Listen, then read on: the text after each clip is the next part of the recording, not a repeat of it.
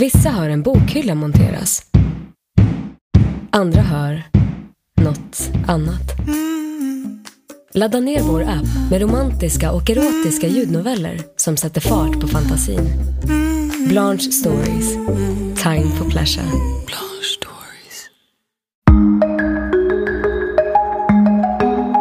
Du lyssnar på podcasten Perspektiv. Intentionen med de här samtalen är att skapa ett samhälle av välmående och stärkta individer. Mitt namn är Madeleine Mofjärd och jag är här för att lyfta nya perspektiv. Veckans avsnitt så möter jag human design-coachen Marley Montan i ett samtal om hur just human design kan hjälpa oss att lära känna oss själva bättre. Att förstå våra livsstrategier och hur vi lättast tar beslut och hur vi kan leva som den mest sanna versionen av oss själva. Och Som jag har förstått det så är human design alltså ett system för självkännedom som består av flera olika delar som tillsammans skapar en personlig karta som är unik för varje individ.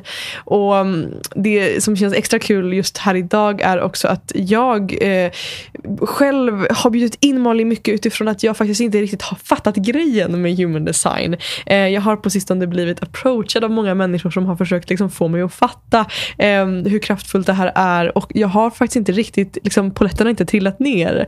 Eh, jag har ännu inte förstått eh, hur det här hjälper mig och kan hjälpa mig. Så utifrån den liksom, nyfikenheten eh, tänker att jag troligtvis kanske inte har all, all info jag behöver för att förstå.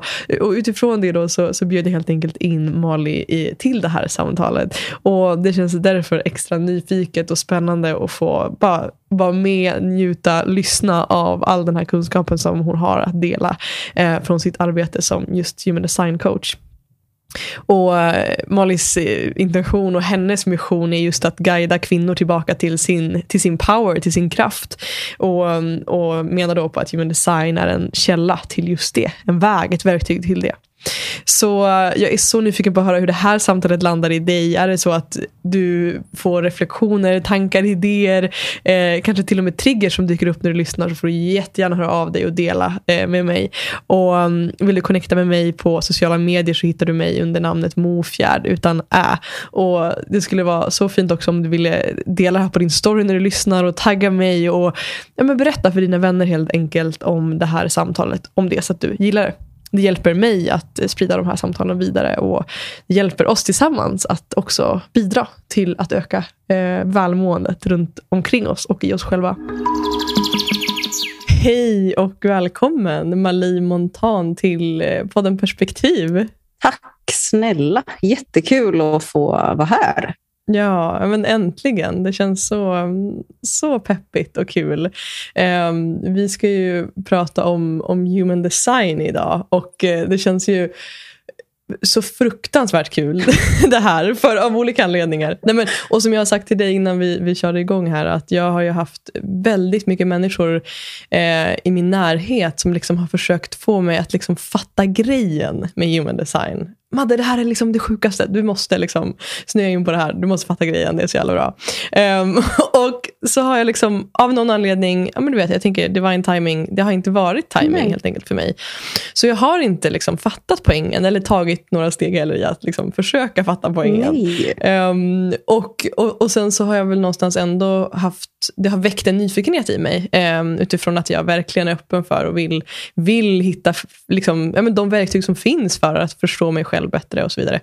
Um, och sen har jag väl ändå någonstans då i de här processerna um, med så här, halva, hälften motstånd och hälften nyfikenhet eh, så här, ändå försökt kalla in då rätt person mm. att göra ett samtal med utifrån också en intention om att jag verkligen vill fatta grejen. Alltså 100% nyfikenhet i att så här, I wanna get, liksom, I wanna get the point. Ja, liksom. men fattar. Eh, och, Ja, och sen så kom du in liksom i mitt energifält. Nej, men du dök upp på Instagram och jag bara älskade liksom ditt uttryck där och hur du levererar din, liksom, ja, presenterar dig själv där och din kunskap och allting. Det känns så himla professionellt verkligen.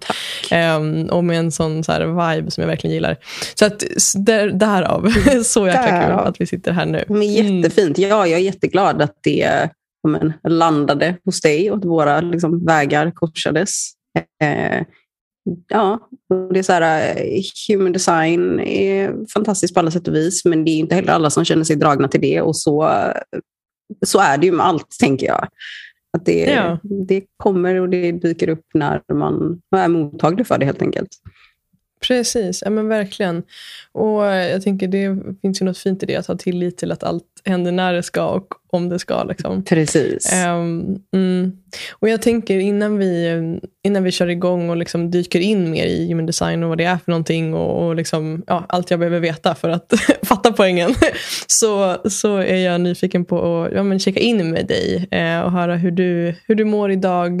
Eh, och ja, men gärna hur, hur mår ditt hjärta? Liksom? Ja, en eh, väldigt fin fråga. Också fint att du alltså, har det som en del av, av din podd, tycker jag. Att checka in på det här sättet. Um, jag mår sådär just nu, faktiskt. Um, så att, hur mår mitt hjärta? Så är det så här, det finns en, en längtan efter frihet som jag känner är typ så på väg. Det är där borta någonstans. Eh, men det är också tungt. För jag går igenom en separation just nu. Kommer att flytta om bara två veckor, så det är liksom så mitt i det just nu. Och det är ja, men känslosamt på, på alla möjliga plan. Både liksom i en positiv aspekt, men också mycket som är liksom tungt och, och mörkt. Um, så det är verkligen så här från en, ja, men en sårbar plats idag. Vilket är så här, mitt, mitt finaste, men också en sida av mig själv som jag har jobbat på mest. För att jag alltid tyckt att det varit skitjobbigt att vara sårbar. Mm, fint. Ja, tack för att du dyker upp i det liksom, och står i det och delar med dig. Det betyder mycket för mig och det känns som en fin plats att mötas ifrån. Um, och som jag sa till dig också innan, att här är du verkligen ja, välkommen i det som är. Um, och jag tänker det, ja, hur, förhåller, hur, hur är din relation till att liksom vara i sammanhang där du typ behöver eller behöver, jag tänker så här, när det ändå finns någon typ av förväntan att man ska leverera något. Mm. jag menar? Att så här, du är ändå, du är, eh, liksom, ja, men du ska leverera mm. något. Eh, oavsett vad man nu menar med det. Mm. Eh, hur har din relation till det varit då? Att i sådana faser som du befinner dig i nu, alltså i sårbarheten, också dyka upp i det. För det kan jag personligen ha, uh. ha liksom, eh, har haft en del utmaningar med. Mm. Mm. Nej, men alltså jag har, alltså skulle det här varit Mali, eller jag, för ja, kanske bara två år sedan, så hade jag inte träffat dig idag. Där jag är just nu. Eh, alternativt att jag hade dykt upp och varit alltså, jätteglad och varit så här, det här som känns hade jag inte delat med mig av överhuvudtaget. För det har jag liksom varit men, mästare på egentligen hela livet. Att trycka, inte bara trycka undan, men framförallt visa en person utåt som är så här, men, lättsam, glad, typ som ingen skulle liksom tro har men, gått igenom vad jag har gått igenom egentligen. Alltså, de, fråga liksom, folk runt omkring mig eller folk som jag har jobbat med tidigare och så vidare, så skulle de aldrig beskriva mig som den personen som jag kanske egentligen är då, eller baserat på vad jag har, har med mig. Och det har ju varit alltså, väldigt, för mig då, ihopkopplat med prestation eller att man ska leverera någonting eller vad det nu än är, att där finns det inte utrymme för en sårbarhet. För att det är för mig att, eller inte längre, men har varit större del av mitt liv. Alltså sårbarhet har varit för mig ett tecken på svaghet. Och jag har liksom tänkt att när jag kommer in och jag ska leverera på något sätt eller vara en auktoritär person eller hur man än ser det så finns det inte utrymme för att vara svag. Ja, och det där är, oh shit alltså, jag tror att det där är vanligt. Eh, och att det känns som att vi är verkligen på väg in i en ny tid där liksom, motsatsen är sann. Eh, det här att jag tänker att vi många Alltså om jag personligen tänker så här, vilka personer har jag störst förtroende för när det kommer till liksom, ja, men, ja, oavsett vad det må vara för typ av person, men så här, vart, vart får jag störst, störst förtroende? Och det är oftast hos personer som, som är sårbara och som uttrycker det som är levande, oavsett om det är utmanande eller det vackraste eller liksom, ja, eller det lättaste. Vackert kan ju även det utmanande vara. Så att, där tänker jag att det finns, ja, det, det är fint att lyfta det, mm. tänker jag. Ja, jag håller verkligen med dig i det, att man känner ju alltså en annan nivå av samhörighet eller connection när det finns en sårbarhet än när det alltid är liksom men så här, det här är bara yta, även om det finns massa fantastiska människor som gör fantastiska saker, även liksom utan att bjuda in till sitt inre. Men så, det liksom ger en, en annan dimension, ett annat djup. Som, så det tillför ju absolut någonting väldigt fint, tycker jag nu. Har jag inte alltid tyckt, men där jag Nej, är nu exakt. så känns det jättefint. Ja, tack för att du delar med dig. Jag tänker också för, för lyssnarna som inte kanske har koll på dig eh, sen tidigare. Eh, så skulle jag vilja höra med dig om, alltså om du skulle liksom beskriva dig själv antingen som person eller det du gör. Du, du väljer lite själv. Mm. Men om du ska beskriva dig själv med tre ord. Vilka ord skulle du då vilja välja och också lite grann varför? Mm. Svårt. Alltså så här, tre ord. Men jag skulle säga vis. Alltså jag är en, en gammal själ. Alltså jag känner att jag har levt så många liv. Alltså jag kan säga, gud, jag är, jag, är, jag är trött ibland själsligt. Alltså så här, jag bara, åh herregud, jag har levt så många liv. Eh, och jag kan också känna som att jag har levt väldigt många liv i det här livet. Eh, för att det är så, liksom, så många olika men, faser i det här livet som jag är i nu.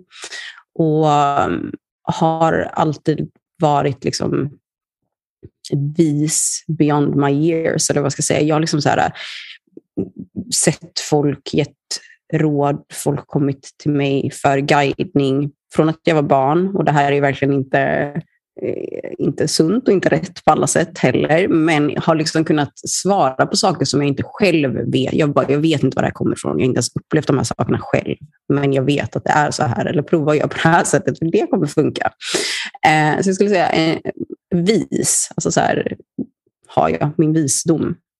Eh, som kanske inte alltid är alltså, logisk och rationell, men det är någonting som finns med mig.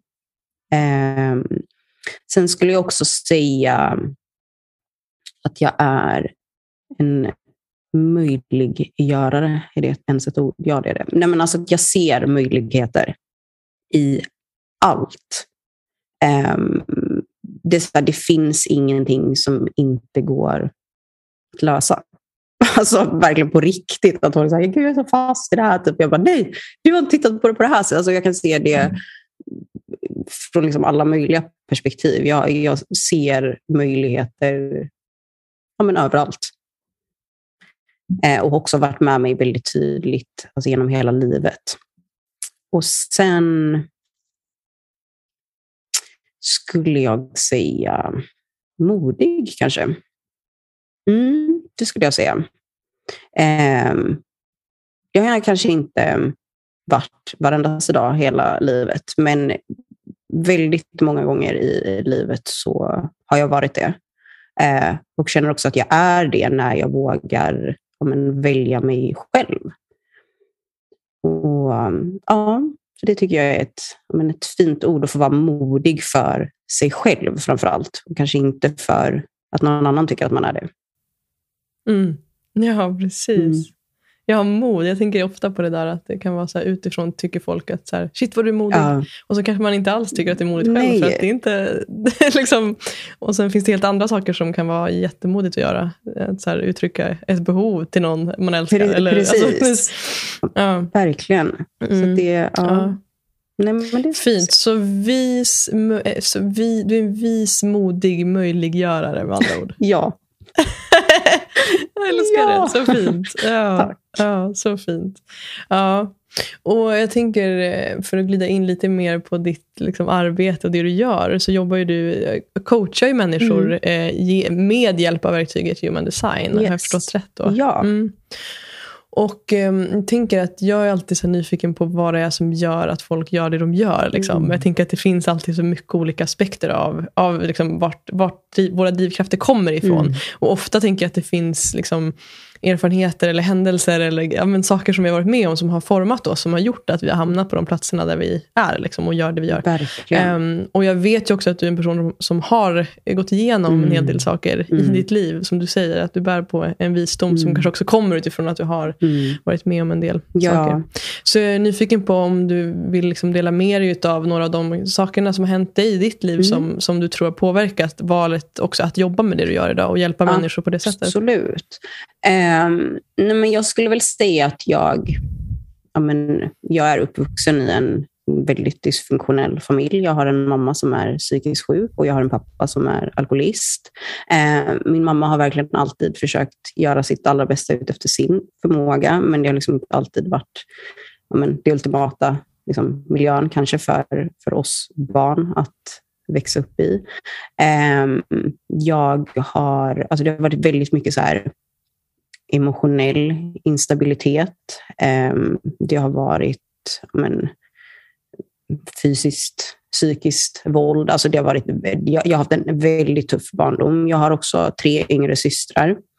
Och när min eh, första, eller min äldsta av mina småsystrar föddes så var jag sju år gammal. Så man kan också säga att jag blev förälder när jag var sju år. För jag har också liksom uppfostrat mina tre systrar. Um, och alltså det här har ju varit... Det har ju aldrig varit något som jag egentligen har så här, ifrågasatt. För det här har ju varit min verklighet. Alltså så här, det är som det är. Jag har ju självklart sett att andra har det på andra sätt. Och trots att mycket har varit väldigt tufft så har det varit jättemånga fina saker också. Det har varit mycket kärlek och mycket sådär. Men jag har alltid känt att så här, jag har en, en drivkraft som jag inte vet var den ens kommer ifrån. Um, hur jag har liksom löst saker som jag inte ens vet. Hur, så här, alltså, jag bara, hur vet jag de här sakerna? Liksom så här, ja, men allt ifrån att prata med myndigheter eller liksom hjälpa mamma och lösa hela hennes liv. Liksom. Det, har bara, det har bara funnits där på, på något sätt.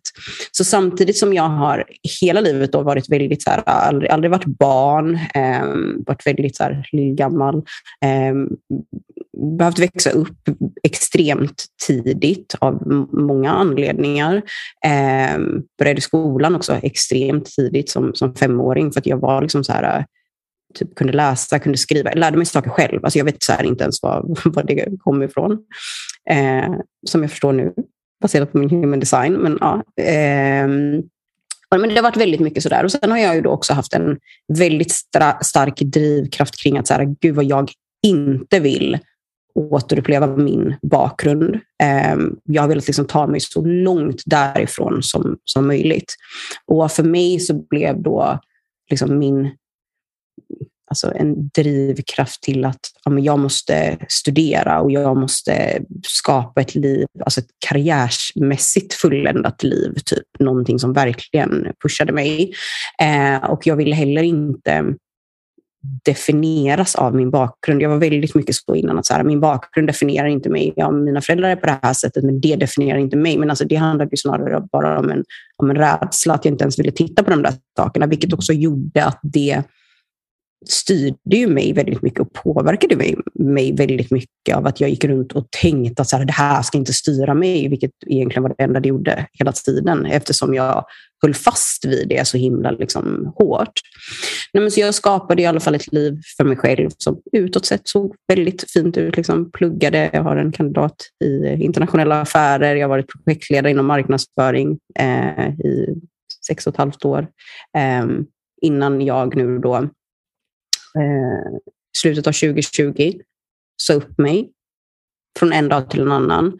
Eh, och då har jag liksom alltså jag gått runt med ett skav i mig själv så himla länge. Och det här är så många pusselbitar. Alltså mitt, mitt, att beskriva mitt liv skulle ta extremt lång tid. Men jag har ju alltid haft med mig det här spirituella. Eh, jag är menad för något större. Jag var i kontakt med ett medium första gången jag var tio år. Alltså det är så här, vem gör ens det? Liksom? Jag så här, vad ska jag göra? Vad är jag menad att göra? Alltså jag har liksom varit så här, eh, sökande och liksom haft en känsla med mig och en väldigt stark intuition. Jag har så tydliga tillfällen i livet där jag har så här, verkligen min intuition har varit så stark och jag har bara följt den och jag har inte så här, vetat då kanske, vid den åldern, att så här, det här är min intuition och det är det jag ska lyssna på. Men jag har bara känt liksom hela min, vä mitt väsen att så här, det här är någonting jag ska göra. Samtidigt som jag också har jättemånga gånger valt att trycka undan det där. Och varit där, nej men jag ska alltid vara så konstig och alltid vara så annorlunda och alltid se på saker på ett annat sätt. Kan jag inte bara vara som alla andra typ och bara verkligen vill, velat men, platsa i den här men, normativa boxen. Typ. Eh, och det kan man ju se väldigt tydligt från att jag, jag bodde i USA i nästan två år och efter det när jag kom hem därifrån så var jag såhär, nej, men nu måste jag styra upp mitt liv. Det var liksom en, en grej jag hade och då skulle jag då plugga och, men, så här, och skapa den här drömmen då som jag tänkte var min egen, vilket det absolut inte var. Um, så slutet av 2020 i alla fall, då var det så här, det gick inte längre. Alltså, det var så här, jag sa upp mig och det, det var nästan som alltså, att det inte var jag som sa upp mig. För det, det var så sjukt. Alltså, jag var inne på kontoret och satt där och jag mådde skit för att jag jobbade ihjäl mig också. Um, och min chef går förbi mig i korridoren och jag bara, jag måste prata med dig. Och han bara, ah, okej, okay, hur är det? Typ sätter sig bredvid mig, typ tror vi ska ha något så här chill samtal. Typ. Och jag bara, jag säger upp mig. Och han bara, men va? vänta, va? Han bara, vi kanske ska boka ett mötesrum. Jag bara, behöver inga mötesrum. Jag säger upp mig. Eh, och blev också sjukskriven i samma veva. Eh, vilket mm. var för mig världens nederlag. Typ. Alltså jag var så här, orkar du inte ens jobba? Vad fan är det med dig? Typ. Alltså jag har ju sett väldigt många saker i livet som svagheter för att jag alltid har behövt vara så himla stark. Och det här handlar inte, alltså hade någon annan liksom så här eh, jobbat eller mått som jag mådde då hade jag varit som, herregud vad håller du på med? Du måste liksom göra något, någonting måste förändras här. Men när det gällde mig så var det liksom bara så här, nej det, det finns inga alternativ. Typ. Det är bara att fortsätta.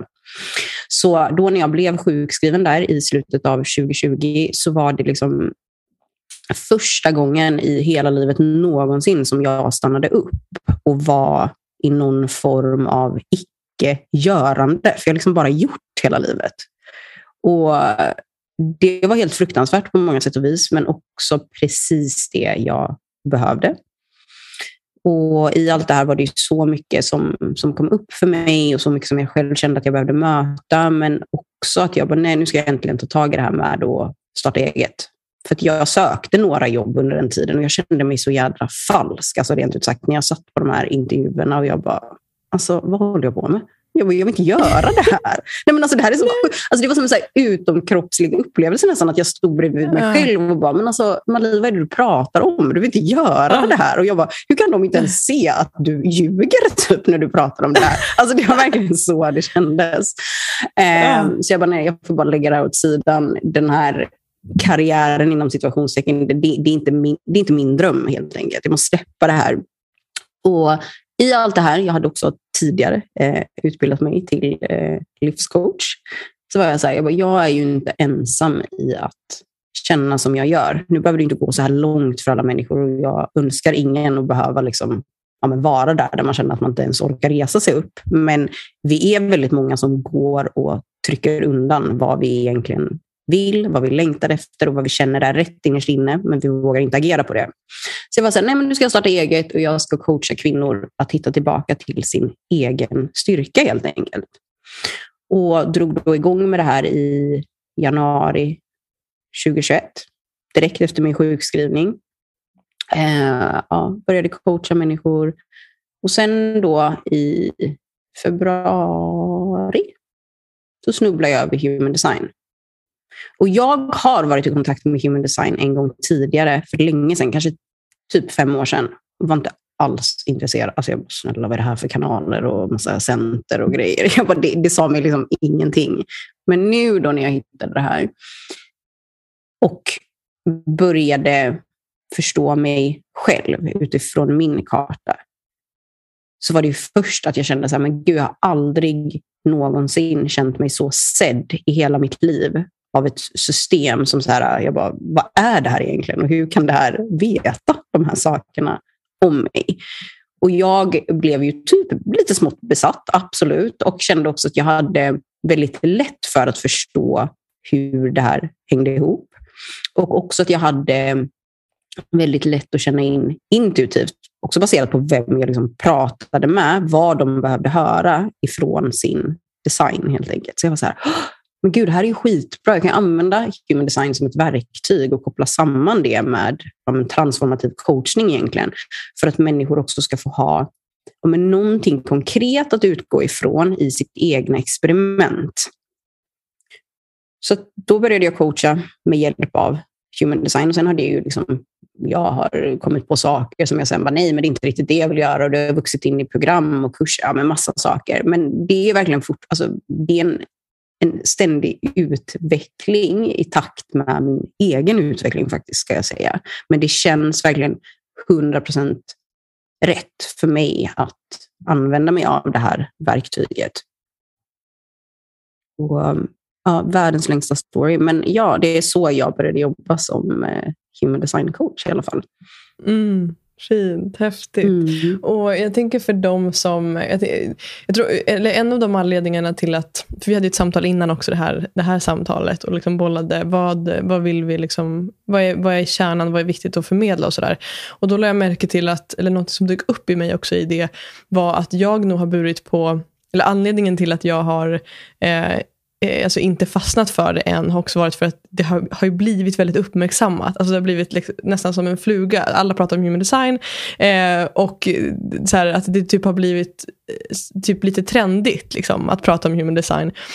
Um, och utifrån den bilden då så var det som att när vi också skulle planera för det här samtalet, eller liksom tuna in på det, um, så var det som att jag först tänkte också så här, ja men alla har redan ändå koll på human design, så vi behöver inte presentera typ vad det är. Men sen så landade vi ändå båda i att det finns ju visst någon, någon vinning i det, för att alla vet faktiskt inte, eh, inklusive mig själv. Så jag tänker också att så här, de frågor jag vill ställa dig är egentligen mycket baserade i det jag själv vill veta för att förstå. Och jag tänker att finns fler som är på samma plats som jag i det. Eh, så det jag är nyfiken på att höra är egentligen alltså bakgrunden till human design. Var, liksom, vart kommer det här eh, systemet? Du, du, kallar det system, är det mm. det som är liksom benämningen på? Ja, ja, Alltså jag kallar det system. För det är ju, alltså för det första är det en sammankoppling av väldigt många olika saker. Alltså det är en del astrologi, det är något som heter I Ching som är en traditionell kinesisk lära, alltså från Kinas äldsta bok som eh, pratar om olika arketyper och liksom egenskaper. Det är kabbala, tree of life, det är vårt chakrasystem som man också kan känna igen om man har sett en human design-karta, att det är de här olika geometriska formerna. Det är kvantfysik och det är liksom en en mashup, vill jag säga, av väldigt många saker då, men som skapar det här systemet över din energi egentligen. Alltså, jag skulle säga att den, den kartan man får, om, om ni nu väljer att gå in och kolla er egen karta, vilket man kan göra, eller om ni har sett en human design-karta, så är det liksom er energetiska personlighet egentligen. Alltså de här egenskaperna som du har med dig in i det här livet. Och bakgrunden då till så här, vad, vad kommer det här ifrån? Det är en man som hette Alan Krakower från början, en kanadensare, som bytte namn till Ra Uruhu, så det är nog det namnet de flesta känner igen kopplat till eh, human design. Men han hade i alla fall 1987 en channeling på Ibiza. Han typ kom hem en kväll och hörde en röst, the voice kallar de det här, som var typ så här, let's get to work. Typ. Och i åtta dagar så var han bara helt inne i ja, vad den här saken som tog över han egentligen. Eh, och skulle lära honom då om, om evolutionen av vårt medvetande egentligen. Där han ur det här då som han var med om under de här åtta dagarna har skapat och liksom vuxit fram till det som idag är human design. Och det där kan jag vara så här också, att man, så här, man kan tycka vad man, vad man vill om, om den historien och hans upplevelse. För att alla som kommer till mig anser inte heller att de är spirituella. Man kan vara också så här, men gud, det här är ju bara spirituellt. Men man är så här, okej, okay, men ja, det finns absolut en del spiritualitet i det här systemet. Men om det också finns någonting som kan sätta saker i perspektiv, som kan ge dig någonting att utgå ifrån och som kan vara till hjälp för dig, spelar det då jättestor roll om det är en man som kanaliserade det här 1987? Alltså där är vi ju så himla också att det måste så här, äh, benämningen måste kännas rätt innan vi kan ta in någonting. Istället för att känna så här, känns det här som delas med mig rätt för mig? Men det som, som har liksom vuxit fram och det som han liksom försökt sprida till folk och, och ville nästan chocka folk lite, alltså hallå vi måste vakna, är att men det mynnade ut i men, fem olika energityper. Och alla, varje energityp har en egen livsstrategi och vi har också en egen auktoritet och den här auktoriteten är då hur vi bäst tar beslut. Men just för att förstå så här, hur fungerar vår energi? Alltså hur tar vi beslut? Hur lär vi oss saker? Hur processar vi saker? Alltså det finns så mycket psykologi i human design också. Hur ser vi på saker? Vad motiverar oss? Vad har vi för sårbarheter? Vad har vi för skuggor? Vad har vi för... Alltså det, det finns extremt mycket information att få ur det här systemet. Men framför allt så handlar det om att väcka någonting hos dig som gör att du vågar leva utefter ditt eget experiment, alltså utefter dig. Och jag kan förstå också dig i vad du säger och hur du ser på de här sakerna. För att jag kunde känna det mycket själv i början, också de som sökte sig till mig, att jag bara ni vill ju kanske komma till mig för att få ännu en etikett. Komma till någon som säger att så här, men nu är du den här energitypen och du ska leva på det här sättet. Och så känner de så här, åh gud vad skönt, nu har någon sagt vad jag ska göra så nu kan jag börja leva på det här sättet.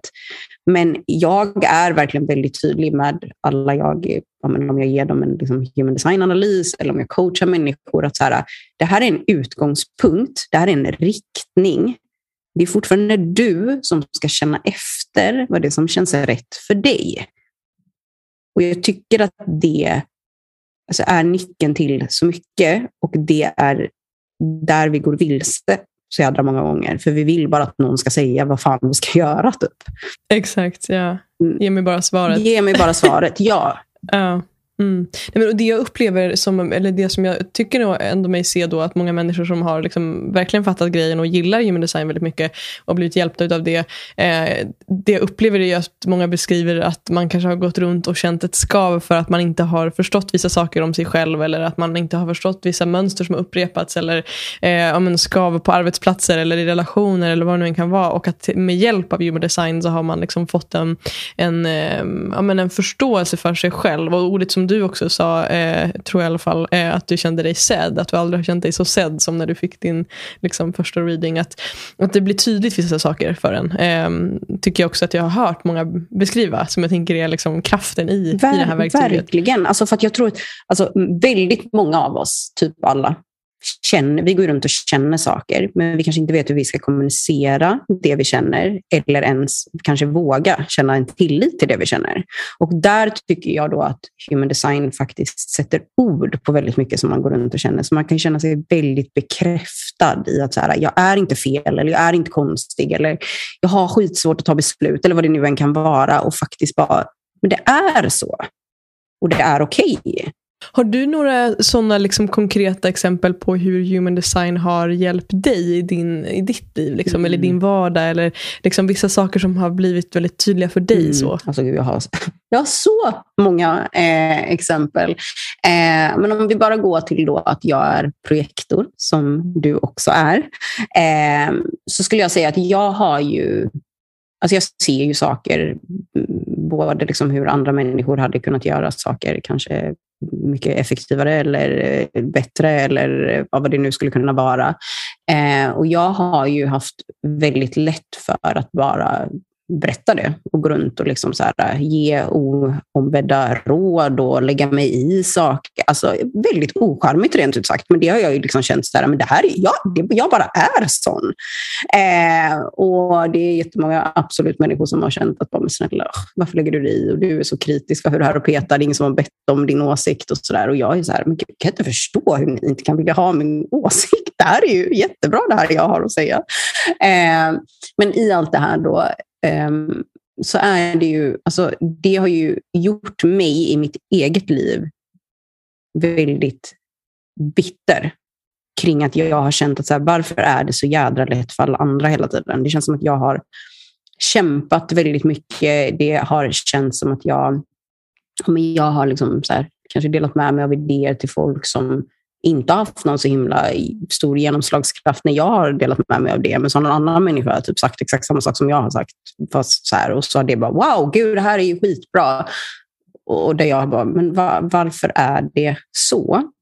Och för mig då, i min, min, min egna human design-upplevelse, att förstå det här med att jag behöver bli sedd, jag behöver bli inbjuden i saker och ting, som då är strategin för en projektor, att man ska vänta på inbjudan.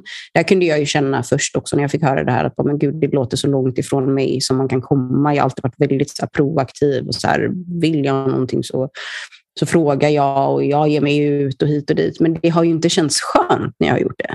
Jag har ju gjort det och det har ju absolut lett till massa saker i livet. Men det har inte varit en härlig känsla i min kropp. Och då kände jag att okay, jag, ska, jag ska ge det en chans det här med att vänta på inbjudan. Fast jag kommer göra det på mitt sätt, vilket jag fortfarande verkligen förespråkar och tycker är viktigt. Det handlar inte om någon, för mig i alla fall, någon passivitet passivitet och vara så här att okej, okay, men nu sitter jag bara här och väntar. Utan jag kan absolut höra av mig till folk om jag känner att jag vill göra det. Men då har jag också känt in, är det här en person som vill prata med mig? Behöver den här personen någonting av mig? Så det kommer fortfarande från en annan plats där jag är så här, det här är någonting jag har att erbjuda. Vill den här personen ha det av mig? Och det kan jag ju känna eller se via liksom kroppsspråk eller att någon pratar om någonting som jag bara, oh, gud, det där är jag skitgrym på, de där vill jag prata med. Eller vad det nu än kan vara.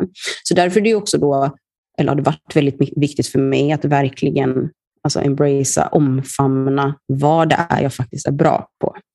Och det har jag haft jättesvårt genom mitt liv att se. Jag har varit bra på många saker, jag har väldigt lätt för att lära mig, men det har också gjort att jag har liksom så här, kommit lite på villovägar med vad det är som jag är naturligt bra på. Det är det som bara, bara sker. Så det har öppnat upp det för mig jättemycket. Jag kan se jättetydligt idag i mitt liv att det kommer inbjudningar. Alltså på ett sjukt sätt. För jag var ju så här när jag började med human design, jag var troligt att det kommer börja komma en massa inbjudningar om jag gör det här. Men det gör det. Ehm, jag ser också för mig som projektor, framförallt andra aspekter i min karta, jag är en 6-2 Eh, och det är profilen då som man pratar om inom human design och det är liksom kopplat till ja, men egentligen ens personlighet, hur man föredrar att göra saker. Och jag kan också säga att min profil inom human design var faktiskt det som, alltså att få information kring den var det som gjorde störst skillnad för mig. Alltså jag var så här, jag grät. Alltså jag var så här, det här är helt sjukt. För att en 6-2 är en person som men oftast är en gammal själ aldrig har varit ett barn troligtvis. Ehm, är väldigt vis, eh, kommer in här och ser, eller kommer in här, men kommer till det här livet och ser på saker på ett visst sätt. Eh, men, eh, typ allt som jag har känt liksom, genom livet. Men den här tvåan då i alla fall i den här profilen behöver väldigt mycket ja, men, egen tid, vila, eh, dra sig själv tillbaka ibland, göra saker som man tycker är kul. Eh, och Det ser jag så, så tydligt. Det finns andra aspekter i kartan också. Men för min del, när jag fokuserar på vad jag tycker är kul, typ som den här helgen, att jag har varit i Stockholm, inget jobb, ingenting, bara haft roligt. Då trillar det in hur många inbjudningar som helst. Men sitter jag här hemma nu och bara, fan, jag vill ha, det här vill jag göra till hösten. Och det där och den där saken. Så, så ta, alltså, det blir mer motstånd. Det händer inte för att jag vill att det ska hända. Men jag är på en plats som att så här, nu är jag redo att ta emot de här inbjudningarna för att jag är i rätt frekvens och är i liksom balans med mig själv. Då kommer de här sakerna. Och jag kan se det så himla tydligt i mitt liv nu när jag är i de här olika situationerna, vad som sker. Eh, och sen kan jag, alltså, ja, jag ser ju väldigt mycket i min alltså, karta ifrån, ifrån mitt liv, i alltså, hur jag har tagit väldigt mycket ansvar för andra människor. Eh, I hur jag alltid ligger typ tio steg före alla andra, eller alltid känt att jag behöver göra det. Eh, kan jag se som liksom, skuggsidor i min design, att jag säger saker rakt ut Ehm, som både verkligen alltså kan höja människor på ett helt fantastiskt sätt, men kan också verka vara väldigt hård. Liksom. Eh, ser också jättetydligt i min design, för jag kommunicerar jättemycket i, i nuet, vilket också gör mig till en person som verkligen har förmågan att, att stärka andra människor, vilket är exakt det jag, jag gör nu i mitt, i mitt jobb. Eh, jag är väldigt men, inkännande. Jag kan känna vad som är rätt för både mig själv men också andra människor. Och det här att jag ser möjlighet. Jag, säger, alltså jag beskriver mig själv som en så möjliggörare, men det är också en grej i min design att jag ser möjligheter. Alltså det, finns, det finns jättemycket grejer. Men jag skulle säga att för, för oss då som projektorer så handlar det väldigt mycket om att komma tillbaka till att inte göra hela tiden. Alltså vem är jag när jag inte gör? Och det har ju, alltså jag, innan det här så hade jag, innan min sjukskrivning, aldrig bara varit. Det, det fanns liksom inte. Um, så det här har ju alltså stärkt sidor hos mig själv som jag har vetat har funnits, men som jag inte har sett som vad ska jag med det till? Liksom? Alltså det har varit så här, vad, vad, är det här för användbara sidor hos mig? Jag borde fokusera på det här egentligen som jag kanske inte är så bra på, men det är de där sidorna som är bäst att ha i den här tiden vi lever till exempel. Så det tycker jag är det fina många gånger, att man kan se på sidor av sig själv i ett nytt ljus. Det handlar inte om att man behöver älska, så här, det här är din design och du måste tycka att det är helt fantastiskt, utan mer så här, okay, men hur kan jag se på mig själv på ett nytt sätt och kanske då förstå, acceptera, sårbarheter och liksom skapa en acceptans kring det. Och de här, för visst är det också så att det baseras på dina liksom, födelsetalet och ehm, eh, födelseorten? Ja, eller? ja men precis. Mm. När du är född, alltså vilket år, månad, mm. dag, vilken tid och också ort. Och Det handlar inte om ort så mycket, det handlar egentligen om land just för tidszoner. Då. Och då är det ju då, hur, hur stod planeterna i förhållande till de här då 64 eh, arketyperna, de här egenskaperna då som kan aktiveras för dig i din karta. Och Man har också undermedvetna egenskaper i sin human design-karta och man har också medvetna egenskaper i sin karta. Eh, så det här är ju, alltså det går ju djupare än, än, många, än många andra system. Det finns jättemånga fantastiska system och alla människor känner ju sig dragen till, till olika saker. Um, men det finns absolut eh, jättemycket spännande och intressant att titta på i sin human design-karta. Och några av de här, jag tänker, du har nämnt, liksom, det finns ju några olika element tänker jag, som beskriver kartan. Mm. Vill du gå in lite mer djupare i dem? Och jag vet inte, kanske ska vi göra det i relation till min karta? Eller vad säger du om det? Ja, men det skulle vi absolut Eller liksom, kunna göra. Jag tänker att, ja, som liksom beskriver mer de här elementen så att man liksom förstår vad är du menar när du säger eh, alltså energityp eller mm. de olika byggstenarna. Mm. Liksom, som, som, ja, men ja. absolut. Nej, men det, det första man oftast kommer i kontakt med när man kommer i kontakt med human design är sin energityp. För det är där de flesta börjar och det är där man är så här, åh oh, gud, jag är den här energitypen. Och då finns det då fem stycken. Och det finns generatorer, och manifesting generators, manifesterande generatorer. Eh, och de är 70 procent av vår befolkning. De är liksom så här, eh, rena energityper, de har tillgång till livskraft, de är här för att bygga, skapa, jobba, de är ihärdiga. Så. Eh, och nu buntar jag ihop de här två eftersom de båda har liksom, eh, tillgång till den här sakrala energin, men det betyder inte att de här typerna är likadana. Eh, men i förhållande till att de har tillgång till den energin så är de det. Eh, sen är det då projektorer som du då är. Eh, och det är cirka 20 procent av befolkningen. Eh, och eh, projektorer är här för att vara ja, men den nya tidens ledare egentligen. Alltså att se att saker och ting kan göras på ett annat sätt. Alltså komma in i den här tiden och vara så här, nej men det här stressiga och det här som är nu eh, är inte riktigt för mig kanske. Jag ser att vi kan göra det här på ett nytt sätt eller effektivare eller vad det nu än må vara. Men där kan det vara då väldigt många projektorer som går vilse för att de försöker istället då passa in i den här men, tiden som är nu och försöka hänga med i det här tempot. Det liksom går inte alltid jättebra, för man kan känna sig väldigt fel i det. Eh, sen har vi då en typ som heter manifestor, som är 9 procent av befolkningen.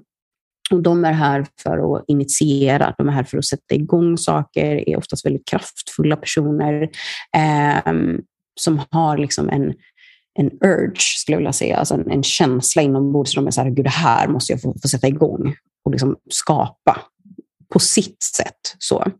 Eh, och sen har vi reflektorer som är den mest ovanliga typen, som är cirka 1 av befolkningen.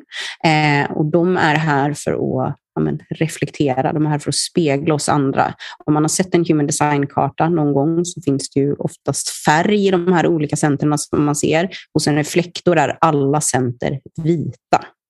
Så att de kan liksom ta in sin, sin omgivning och spegla tillbaka. Alltså hur mår människor? Hur, var trivs jag? Var är det liksom härligt att vara? Och så vidare. Så det är liksom det fundamentala i så här, okay, här har vi de här energityperna.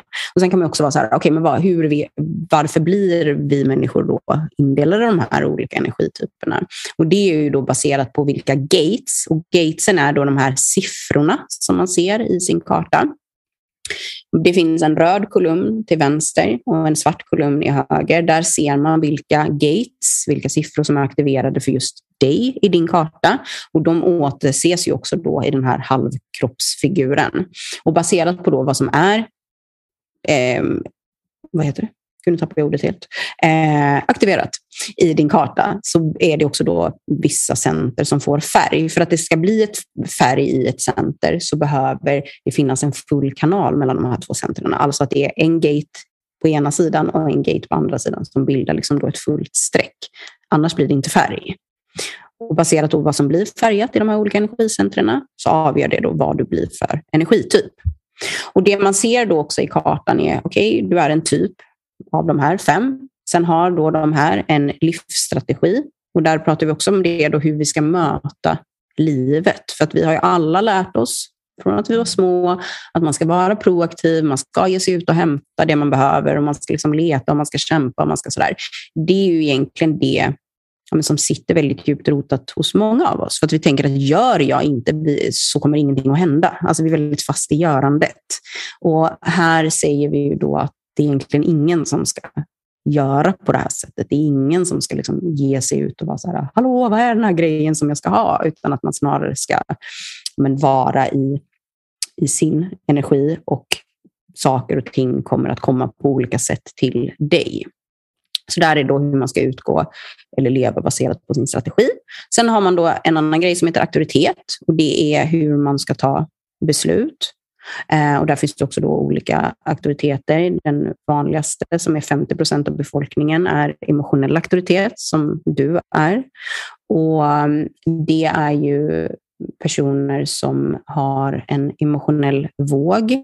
Och bara för att 50 procent, som jag nu säger, är emotionella auktoriteter så betyder inte det att er våg ser exakt likadana ut. Men det som kan känneteckna er är att det kan gå mycket upp och ner i ert humör utan anledning. Alltså att ni kan vara jätteglada och det kan vara jättehärligt utan anledning. Men ni kan också känna er låga, irriterade, kanske lite ledsna utan anledning.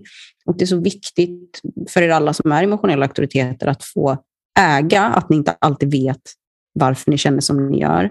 Att ni inte alltid ska känna att ni behöver förklara det, för att det är väldigt många som kan, alltså utanför som kan vilja kräva det av er, att ni ska veta hela tiden vad som, liksom, varför det känns som det gör. Och Det vi får reda på egentligen då kopplat till vilken auktoritet vi har är ju då hur tar jag ett beslut baserat på mig? Alltså ett beslut som är 100% ja, som inte är färgat av ja, men det mentala egentligen. För det vi har lärt oss själva, många av oss, är att vi ska ta mentala beslut. Det ska vara logiskt, det ska vara rationellt, det ska komma ifrån huvudet. Och när ett beslut kommer ifrån vårt huvud, även om vår hjärna är helt fantastisk, fantastisk så är det också väldigt färgat av andra människor, av åsikter, av den tid vi lever i, av strukturer och så vidare. och Så vidare och så vidare. Så landar man i ett beslut som inte är så mycket du egentligen utan mer vad man kanske borde göra. Eh, och sen har man olika energicenter i den här kartan. Alla de här, nio stycken finns det, eh, har olika egenskaper. Och De kan vara antingen färgade, som då heter definierade, eller odefinierade och då är de vita. Och Det är liksom då olika specifika egenskaper för den här personen baserat på hur det ser ut. Och Man kan också vara i balans och obalans i de här centren. Sen har man något som heter profil och det är ju då, jag nämnde nog det lite tidigare, men närmast kopplat egentligen hur du föredrar att göra saker och ting. Din personlighet. Och där kan man också lära sig väldigt mycket om, om hur man vill möta livet versus vad man då kanske gör eller har lärt sig själv att göra. Så man kan ju se väldigt tydligt genom sin design vad som inte är du. Att man är så här, mm, okej, okay, det här har jag trott har varit jag till exempel hela livet. Jag har inte känt så härligt när jag har varit på det här sättet, men jag har alltid, jag har alltid gjort så här, så jag har trott att det är jag. Så att man kan börja då ja, men, rucka på det här lite eller experimentera lite med ja, men, hur känns det om jag gör på det här sättet istället.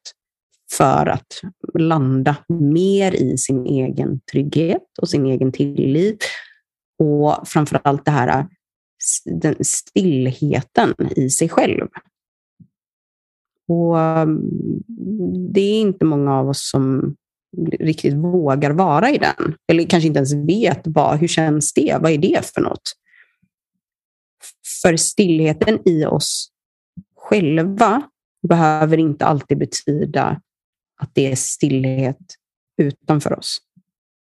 Vilket är ett sånt tydligt exempel på vad jag är nu exakt i mitt liv. Det är jättemycket som är kaosigt runt omkring mig för att det är, det är uppbrott och det är känslosamt och det är människor som är sura och sårade och allt vad det nu än är. Men jag vet inom mig att det här är 150 procent rätt beslut för jag känner ett sånt lugn och en stillhet i mig. Och många utgår inte ifrån sig själv i det de ger sig in i. Ja, men det, mm, ja, det skapar väldigt mycket mening och någonting som jag tänker på mycket när jag hör dig prata också. Det här hur, hur det är så, är så skevt, liksom, det här samhället som vi också lever i, där vi alla förväntas vara på exakt samma sätt liksom, och leva på exakt samma sätt. Och där tror jag väl också att jag någonstans, en av de sakerna som jag vet när jag fick min liksom, reading och det gick upp för mig att jag var projektor och eh, utifrån det här att vi inte ska typ, jobba lika mycket som liksom, någon annan energityp till exempel.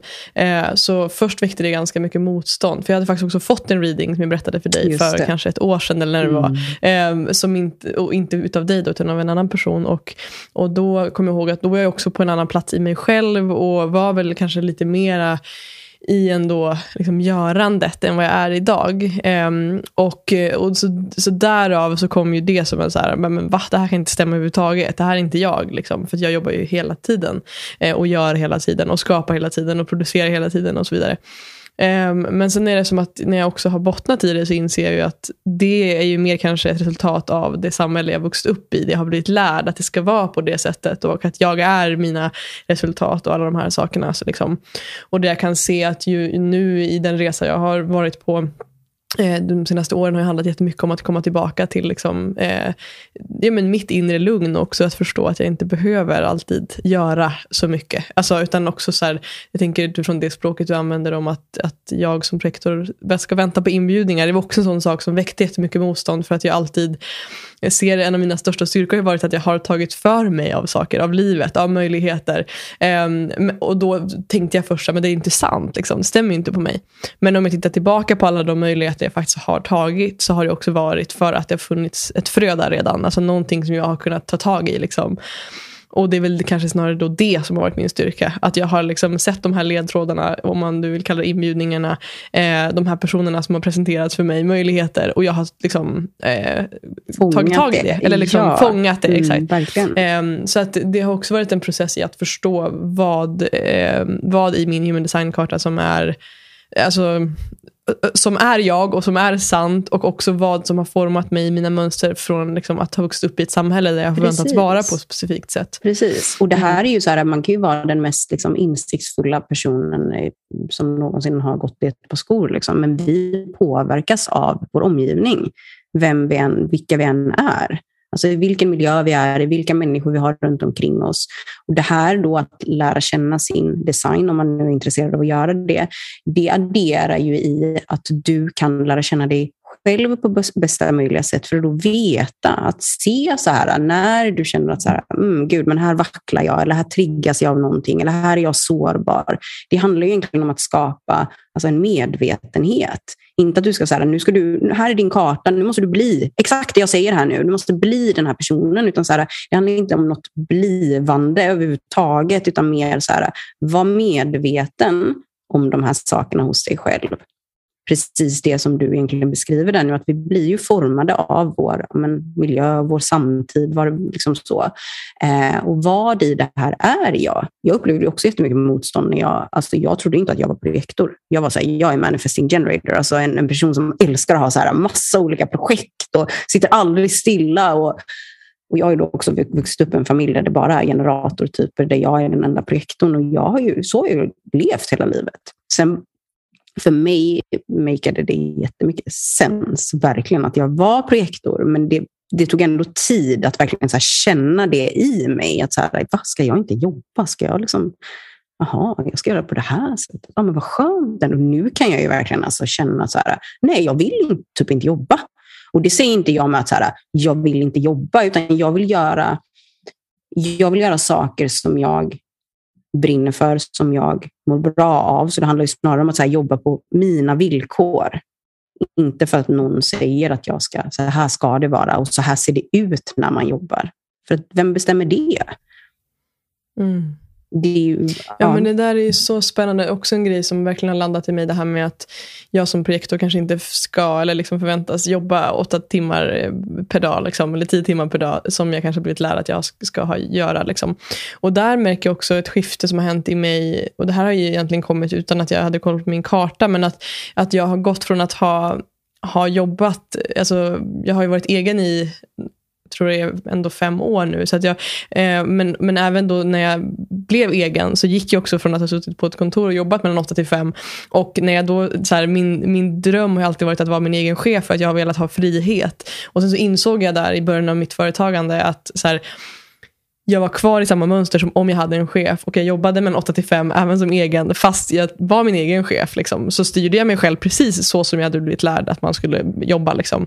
Och, eh, och att och att det har verkligen skiftat. Att nu så är det som att jag kan, att jag märker att jag är jag är väldigt effektiv när jag jobbar, vilket gör att jag inte behöver jobba åtta timmar om dagen. Och att det också finns någon sån liksom, hustle culture-tanke i mig ändå, som också fortfarande kan väcka lite skuld i att så här, men vadå, jag har jobbat två timmar idag. Ja, fast jag har ju hunnit med allt det jag skulle göra ja. som var nödvändigt. Mm. Kanske inte måste fortsätta. Alltså, att det Nej. finns någonting. Och det är verkligen, ja. alltså, det är ju en aspekt som väldigt många projektorer har, kan ha svårt att landa i och som de också kan känna som något negativt nästan. Att så här, men vadå, du säger att jag inte är gjord för att jobba till exempel. Eh, nu brukar inte jag säga att du är inte gjord för att jobba, men många läser ju också. Det finns jättemycket grejer på nätet liksom, och det står att en projektor ska max jobba tre timmar om dagen. Typ. Och för det första så handlar det också om att vad är jobb för dig? Alltså vad är det du ens ser på som jobb?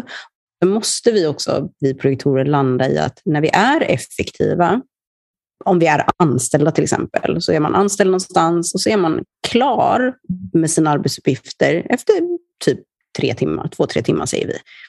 Så som vårt samhälle ser ut så är det inte så att vi kan ställa oss upp då och bara, nu går jag hem. Så det väldigt många projektorer gör är ju att man jobbar för nästan tre personer. Och när man nu då ska om en, ah, nu har jag förstått det här och det här är ett nytt sätt att göra, mm, men det sitter ändå liksom djupt rotat i en. Då känns det ju fel. Det känns ju jättekonstigt, precis det du säger, när så här, men jag är klar efter två timmar, då är min dag, då kan jag göra vad jag vill nu. Nej, då ska jag väl börja på något nytt här. Men det är verkligen att när du är i så mycket, alltså, i balans med dig själv som projektor, så kan man nästan känna det ut utifrån för att folk kan ifrågasätta typ hur du ens kan driva ett företag. Alltså det kan vara så att folk bara, hur kan du jobba så där lite och ändå typ göra det du gör och ändå, då är du liksom på väg in i att så här, men, ja, men det här är det som är rätt för mig. Men och någonting som också är spännande, jag tänker att för mig i mitt företagande och i mitt arbete så handlar så mycket om Alltså jag märker att skapandet kommer ju utifrån liksom kontakten med mig själv och mitt eget liksom inre flow. Och då kan man också säga, okay, men vad av det är jobb? Det är ju, för mig märker jag det är ju det mest produktiva jag kan göra är ju typ att promenera i skogen och meditera och typ så här, lyssna på poddar. Och för att det föder eh, alla idéer jag någonsin haft har kommit från de platserna. Och om jag gör det åtta timmar om dagen så är ju det indirekt jobb. Fast ja. jag skulle inte se det som jobb. Ja, precis. Um, så att det blir också så att vi har så olika källor där vi hämtar, liksom, hämtar den här produktiviteten precis. ifrån. Precis. Och att det måste få vara okej. Okay. För att just nu så ser vi produktivitet och prestation på ett väldigt snävt och specifikt sätt. Och är man då inte där så är man lite fel eller lite, alltså går det där och driver företag på det där sättet eller vad, vad folk nu liksom tycker och tänker. Och att man också är då så himla men, rädd för att någon annan ska tycka att det man gör är på fel sätt. Nej, det, så det finns liksom ingen annan som kan komma in och säga att det du gör är fel, för du gör, du gör dig på ditt sätt. Och att bara få, få känna sig trygg i det. Det är liksom någonting som men din design faktiskt kan men, hjälpa dig med att känna ett, ett lugn och en trygghet kring det. Det var precis det jag tänkte också fråga dig. Jag blir så nyfiken på just liksom hur du ser på, om man tänker liksom samhället i stort, eller på en individnivå, jag vet inte. Men, men just det här, vad tror du skulle vara annorlunda i hur vi lever våra liv om vi blev mer medvetna i det stora hela om oh, våra liksom, kartor? Ja, alltså ja. så mycket. Alltså framförallt så hade folk mått så mycket bättre. Vilket är, liksom, det är nyckeln till allt egentligen. Att vi, vi går runt och, och låtsas väldigt mycket. Vi bär väldigt många olika masker. Vi går in i roller. Vi pratar om vår personliga person och vår professionella person. Varför är det två olika personer? Vi är ju bara en person. Det är jättekonstigt att vi känner att vi klär på oss på morgonen och går och är någon någon annanstans. Varför mm. kan jag inte ta med... Spelar en ja, roll. Liksom. Det, det, och det gör jättemånga. Och det tänker vi ju är, men vadå, det är väl inte så konstigt att man ska vara någon annan när man går in på sitt jobb. Men det är faktiskt rätt konstigt för att vi är en person. Och, så jag tänker att alltså, om, om, om vi hade kunnat få, om alla hade så här, varsågod, här är din karta. Det här, titta på det här, känn in vad som landar, vad, vad talar till dig, vad hade du velat använda? Om vi hade kunnat få göra det, då hade också folk fått vara mer i sitt rätta element. För att det är så många av oss som inte är i vårt rätta element. Vi har inte samma drivkrafter. Vi arbetar inte på samma sätt till exempel. Om man tittar på stora företag och det där, man är ett team och så där, ja, det här är vår vision och bara, nu kör vi bara så ska alla bara köra på det här sättet som någon ledare då har sagt att man ska göra till exempel. Mm, det funkar inte så. Vi tror det, men det är också därför majoriteten av oss mår skit och är utbrända och sjukskrivna. Om vi istället hade sett till att så här, men hur kan jag använda mina förmågor på, på det bästa sättet för mig? Så hade vi kunnat få... Alltså, folk hade mått så bra framför allt för att man hade fått användning för sin naturlighet och man hade också känt att man hade kunnat utvecklas och växa genom att göra det på ett alltså, genuint sätt som kommer inifrån. Plus att vi också hade förstått varandra på ett helt annat sätt. Om vi hade kunnat blicka inåt och förstå oss själva så hade det också i förlängningen gjort att vi hade kunnat möta andra människor på ett annat sätt. Det, vi förstår inte andra människor när vi inte förstår oss själva. Om jag inte vet vad som triggar mig i en relation till exempel, eller om jag inte vet eh, mina drivkrafter på en arbetsplats eller vad det nu än är, då kan ju jag inte gå in och förändra någonting i den situationen. Och Det är också det man ser väldigt tydligt när man tittar på människor, hur de lever, vad de har för mönster. Mm, vissa personer som alltid lever i destruktiva relationer till exempel, eller man lämnar någonting och så träffar man en partner som är exakt likadan och man bara, vad är, vad, vad är det som händer? Vad är det som pågår? Varför är det på det här sättet? Det är ju för att man utgår ifrån ett mönster som bara upprepar sig själv hela tiden istället för att vara så här, men varför är det så här för mig? vad, vad är min sårbarhet i det här? Eller vad är min styrka? Och så vidare. Så jag tänker att redan när man är liten egentligen. För att det här är ju det är väldigt tydliga roller och boxar som man placeras i redan som barn. Redan när man börjar på förskolan så är det ju liksom en, en homogen grupp egentligen. Och där ska ingen synas för mycket och ingen ska vara för tyst och ingen ska vara så att alla ska ju någonstans om man kommer in och är extrem mot något håll så ska alla så här, här möts vi, och där börjar man ju. Och sen går man in i skolan och sen är det liksom det som följer med hela tiden. Så att eh, det, hade ju, alltså, det hade ju skapat ett, eh, ett helt nytt alltså medvetande och, och lugn. Att inte heller känna att allt man behöver finns utanför dig själv. Att vi letar så mycket i det yttre hela tiden efter saker och ting.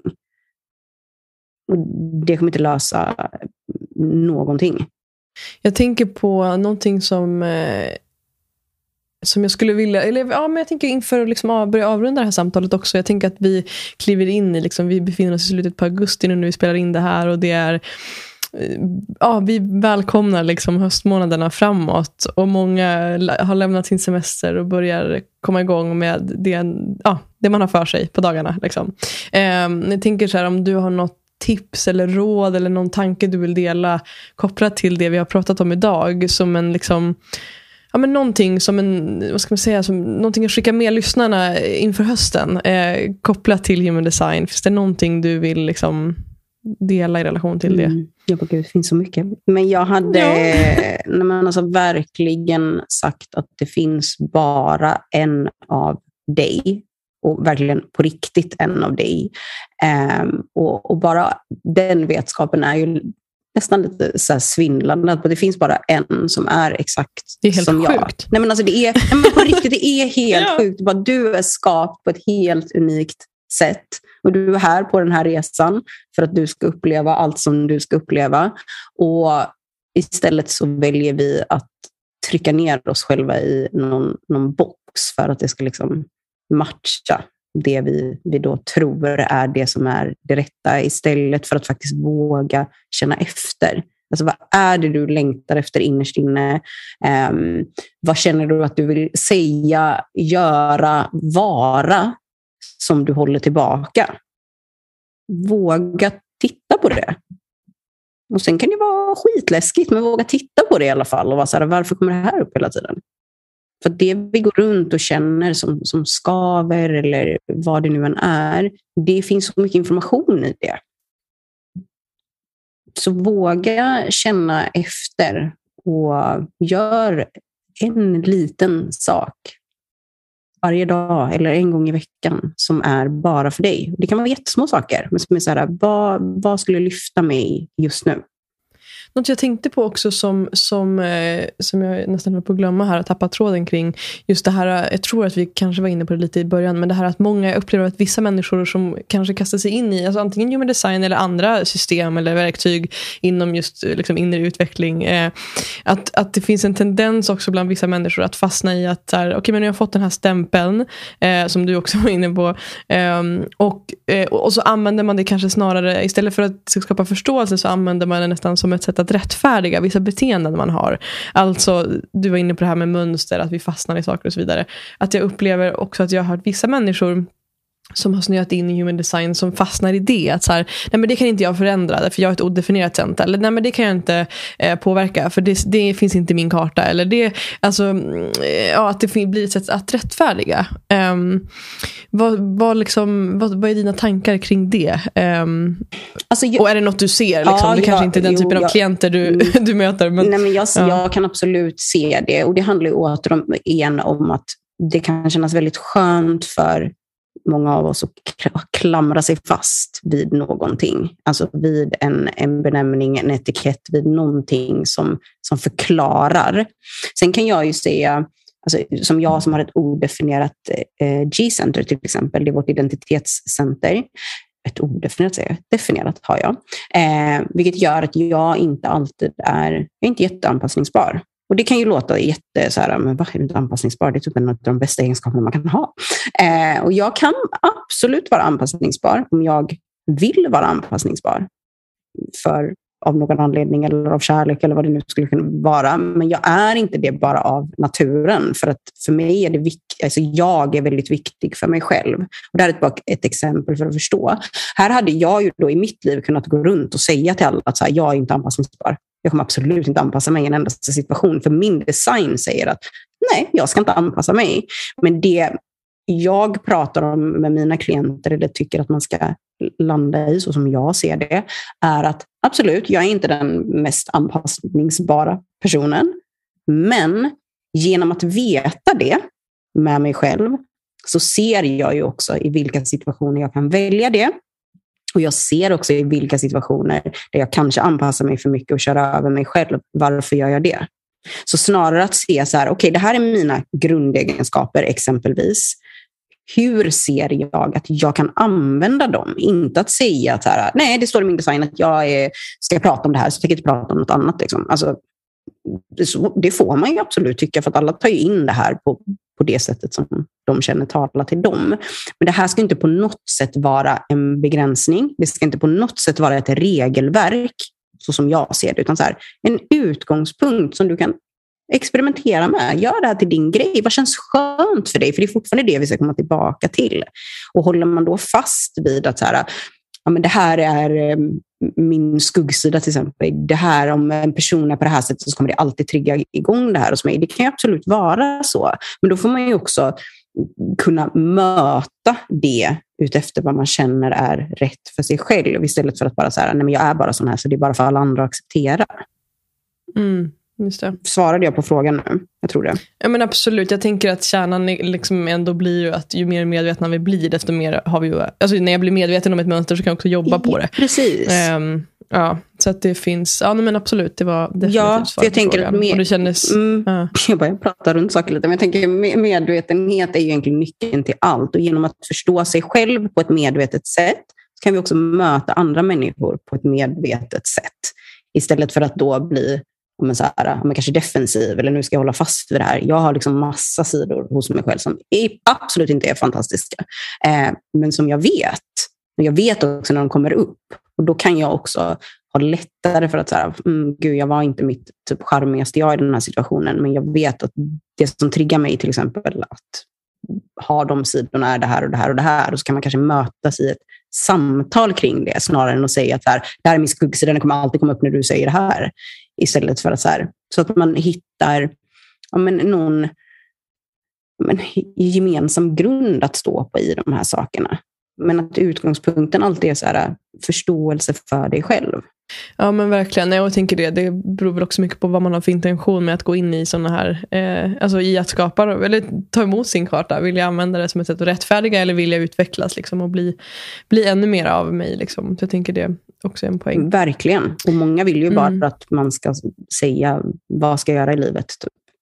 Och jag, om man ändå visste vad alla skulle göra i livet, inte det som är, som är meningen, liksom, utan hitta din egen röst. Ja, så fint och så spännande. Jag tänker, jag märker att tiden springer iväg här.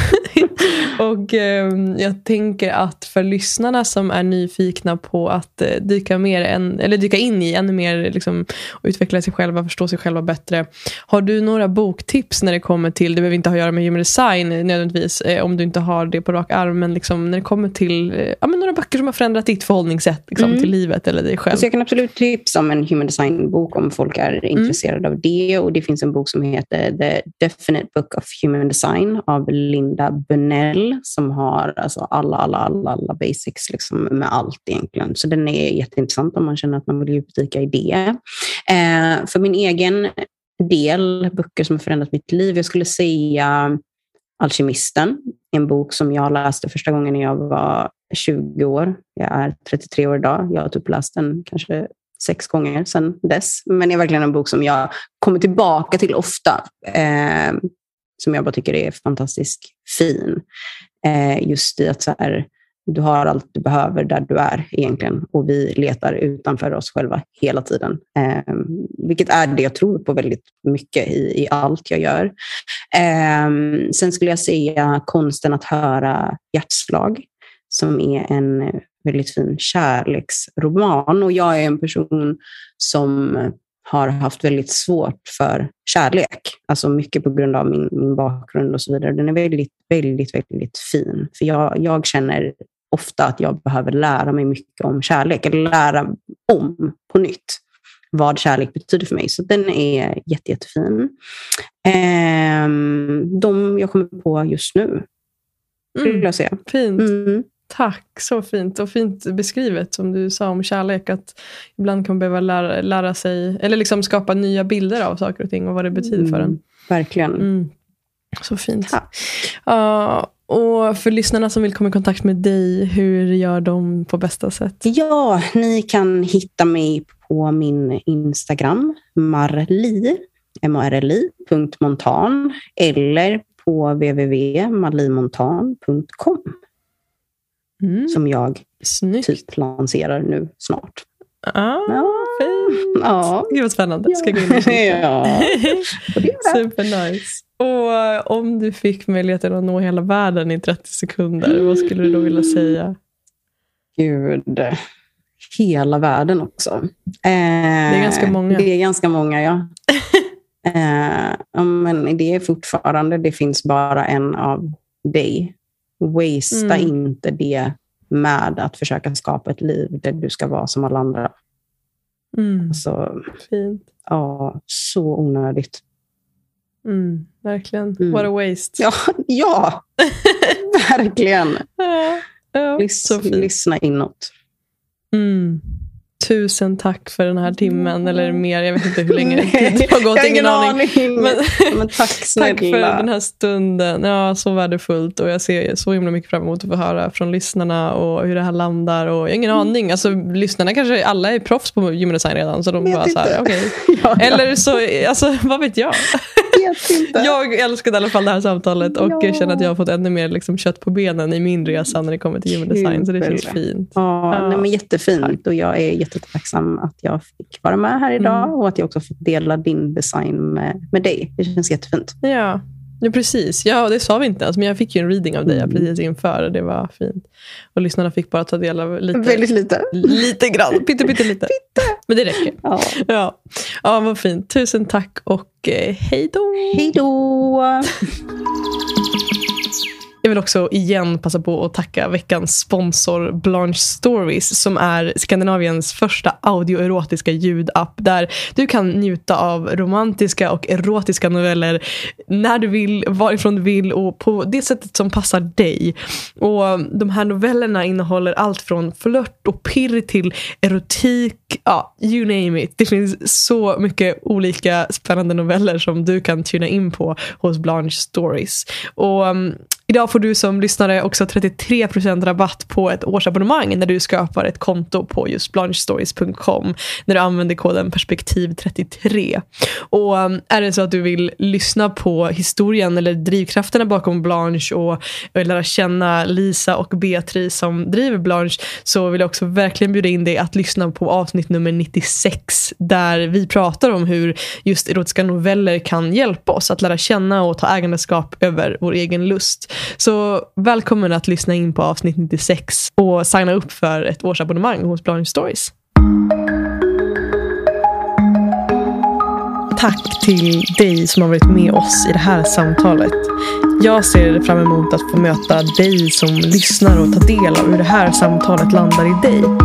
Vilka tankar, insikter och kanske till och med triggers väcks i dig. Det skulle betyda allt om du delade med dig till mig på sociala medier. Skriv till mig eller posta på din story och tagga mig så låter vi det här samtalet leva vidare. Du hittar mig på Instagram under namnet Mofjärd utan Ä och på Facebook vill jag också välkomna dig till den slutna gruppen Mofjärd Community där vi möts för att prata vidare och lära oss av varandra och, och varandras perspektiv. Du hittar länken i beskrivningen till det här samtalet. Tack igen för att du är här.